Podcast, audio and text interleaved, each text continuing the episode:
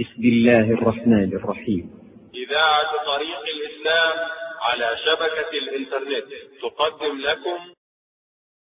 الحمد لله رب العالمين والصلاة والسلام على رسول الله المبعوث رحمة للعالمين. أما بعد فإنني أقدم إليك أيها الأخ المسلم سلسلة من أشرطة أصول الاعتقاد التي توضح المعتقد الصحيح وترد على الشبهات التي قد تلتبس على الناس في أصول دينهم عن طريق بعض فرق الباطل.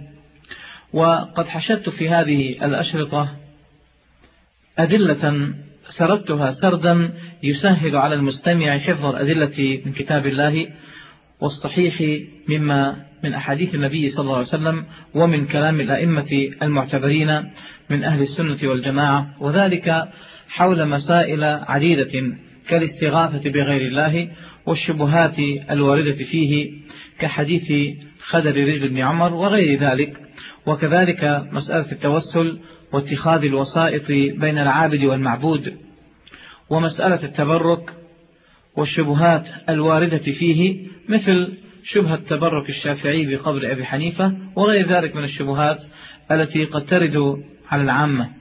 وكذلك البيان الشافي الصحيح حول مسألة البدعة وكذلك الموقف من أبوي النبي صلى الله عليه وسلم وكذلك الموقف الصحيح حول مسألة التأويل والتفويض والحقيقة والمجاز حول صفات الله سبحانه وتعالى والخلاف الشديد بين الأشاعرة حولها والتشابه في تأويلاتهم مع تأويلات المعتزلة وكذلك تأويلات الشيعة وتفسير القول حول مسألة كلام الله عز وجل وكذلك تفسير القول في مسألة الاستواء وعلو الله في السماء وحشد الأدلة على ذلك من كلام الله ومن النبي صلى الله عليه وسلم ومن كلام السلف الصالح.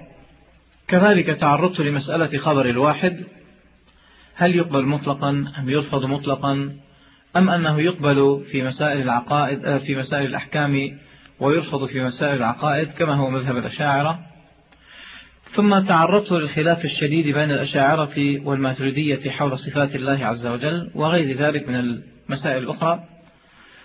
هناك تناقض أشعري أشعري وكذلك تناقض الماتريدي الماتريدي وكذلك تناقض بين الأشاعرة والماتريدية. كل ذلك فصلت القول فيه.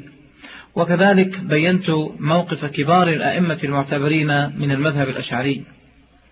وأوضحت حقيقة معتقد أبي الحسن الأشعري رحمه الله ومخالفة المنتسبين إليه لصريح كتبه وكتب الأشاعرة المتقدمين كابن عساكر والبيهقي وغيرهما. ثم تعرضت للموقف الصحيح من الصحابة ثم فصلت الكلام حول أفعال العباد ومسألة الجبر والقدر وكذلك مسألة الإيمان والعمل وحقيقة الإرجاء وكذلك تعرضت لمسألة الإنكار في مسائل الخلاف وقضية الاجتهاد والتقليد ومسألة انتفاع الميت بعمل الحي وكذلك فصلت القول في التصوف والدعوة المسماة بالوهابية وختمت أو أختم بموضوع المعجزات والأولياء والكرامات. هذه مسائل مفصلة لكني أختصرها أجمل القول فيها وأحشد فيها الأدلة بقدر الإمكان بحيث يتمكن المستمع من حفظ هذه الأدلة في ترحاله وتنقله. كل ذلك في سلسلة من الأشرطة أسميتها بمجالس التوحيد والسنة. أسأل الله سبحانه وتعالى أن يكتب فيها الأجر وينفع بها إنه سميع مجيب.